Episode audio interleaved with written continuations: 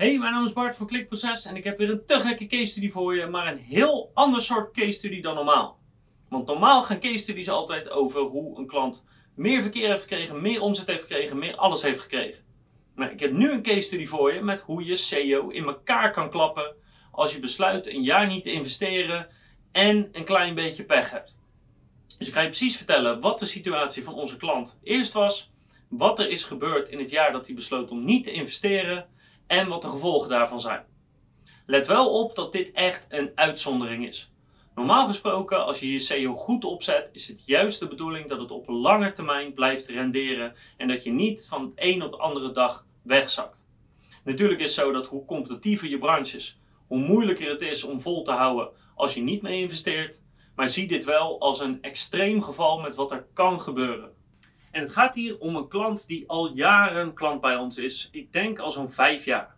En al vijf jaar lang zo'n beetje staat die klant bovenaan met alle belangrijke zoekwoorden. En ik heb hier verschillende screenshots van Ahrefs, van een rank tracker en ook van Google Analytics dat je kan zien. Die klant stond zo'n beetje overal bovenaan en het verkeer wat die website trok. En Analytics heeft helaas een paar gegevens gewist. Maar je moet je voorstellen dat die lijn met dat vele verkeer, met die duizenden bezoekers, meestal ergens tussen de, de 4 en de 6, dat dat al jaren strak het geval is. En bij onze ranktrekker kan je eigenlijk duidelijk zien hoe lichter de kleur, hoe hoger je staat in Google. En de lichtste kleur is een positie tussen 1 en 3. Dus je ziet hier, voor eigenlijk dat rampzalige jaar, stond hij met gigantisch veel zoekwoorden in die top 3 positie. Hoe we dat voor elkaar hebben gekregen is eigenlijk niet ingewikkeld. Maar we hebben goed zoekwoordenonderzoek gedaan. En daarna hebben we pagina's gemaakt die gewoon veel, veel, veel beter antwoord gaven op de verschillende problemen of oplossingen waar mensen op googelden dan de concurrenten.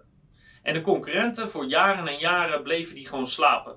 En omdat ons antwoord zoveel beter was, hebben we altijd op die eerste positie gestaan, omdat objectief gezien we dat eigenlijk best wel verdienden. Maar toen gebeurde er een hoop in een jaar. Dus het eerste is dat de klant besloot om in dat jaar niet te investeren in SEO. Want de klant zei: We staan al zoveel jaar bovenaan. Het gaat al heel erg goed. Ik kan de drukte al amper aan. Dus ik ga mijn energie en mijn tijd en mijn geld ergens anders insteken. Wat natuurlijk zo goed recht is. Maar precies in dat jaar zijn ook meerdere concurrenten wakker geworden. En die zijn heel erg aan de slag gegaan om één, op al diezelfde zoekwoorden een pagina überhaupt te maken.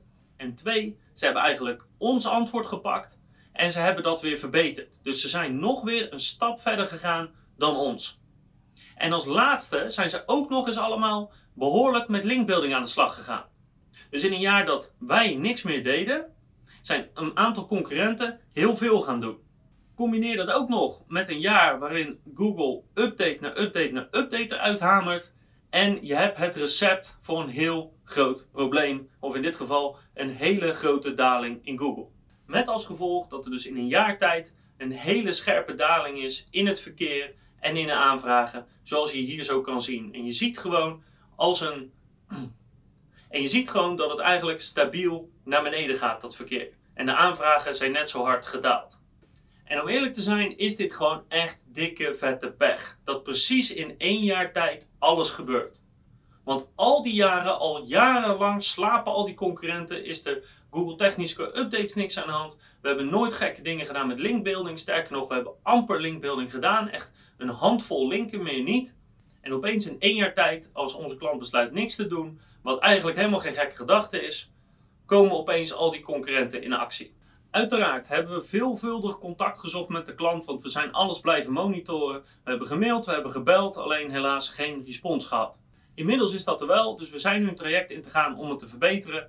Maar als je actief bent in SEO, dan weet je, het is makkelijker als je eenmaal hoog staat om daar te blijven, dan opnieuw terug te vechten. Dus, en dat kan er dus gebeuren als je een dikke vette pech hebt en je blijft niet werken aan je SEO, je monitort het niet goed, je houdt het niet in de gaten en je blijft het niet verbeteren terwijl je concurrenten dat wel doen. Dus dit is een case study de andere kant op. Wat er kan gebeuren als je niet investeert in je SEO. Ik vertel het je niet om je te ontmoedigen.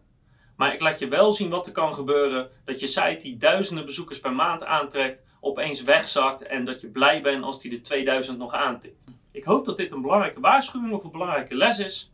En ik wil natuurlijk graag dat je de volgende keer weer kijkt, luistert of leest. Want ik heb nog veel meer case studies voor je. Ik beloof dat de volgende weer is in een stijgende lijn en niet een dalende lijn. En ik heb natuurlijk nog veel meer advies over SEO, over conversieoptimalisatie, over YouTube en over voice.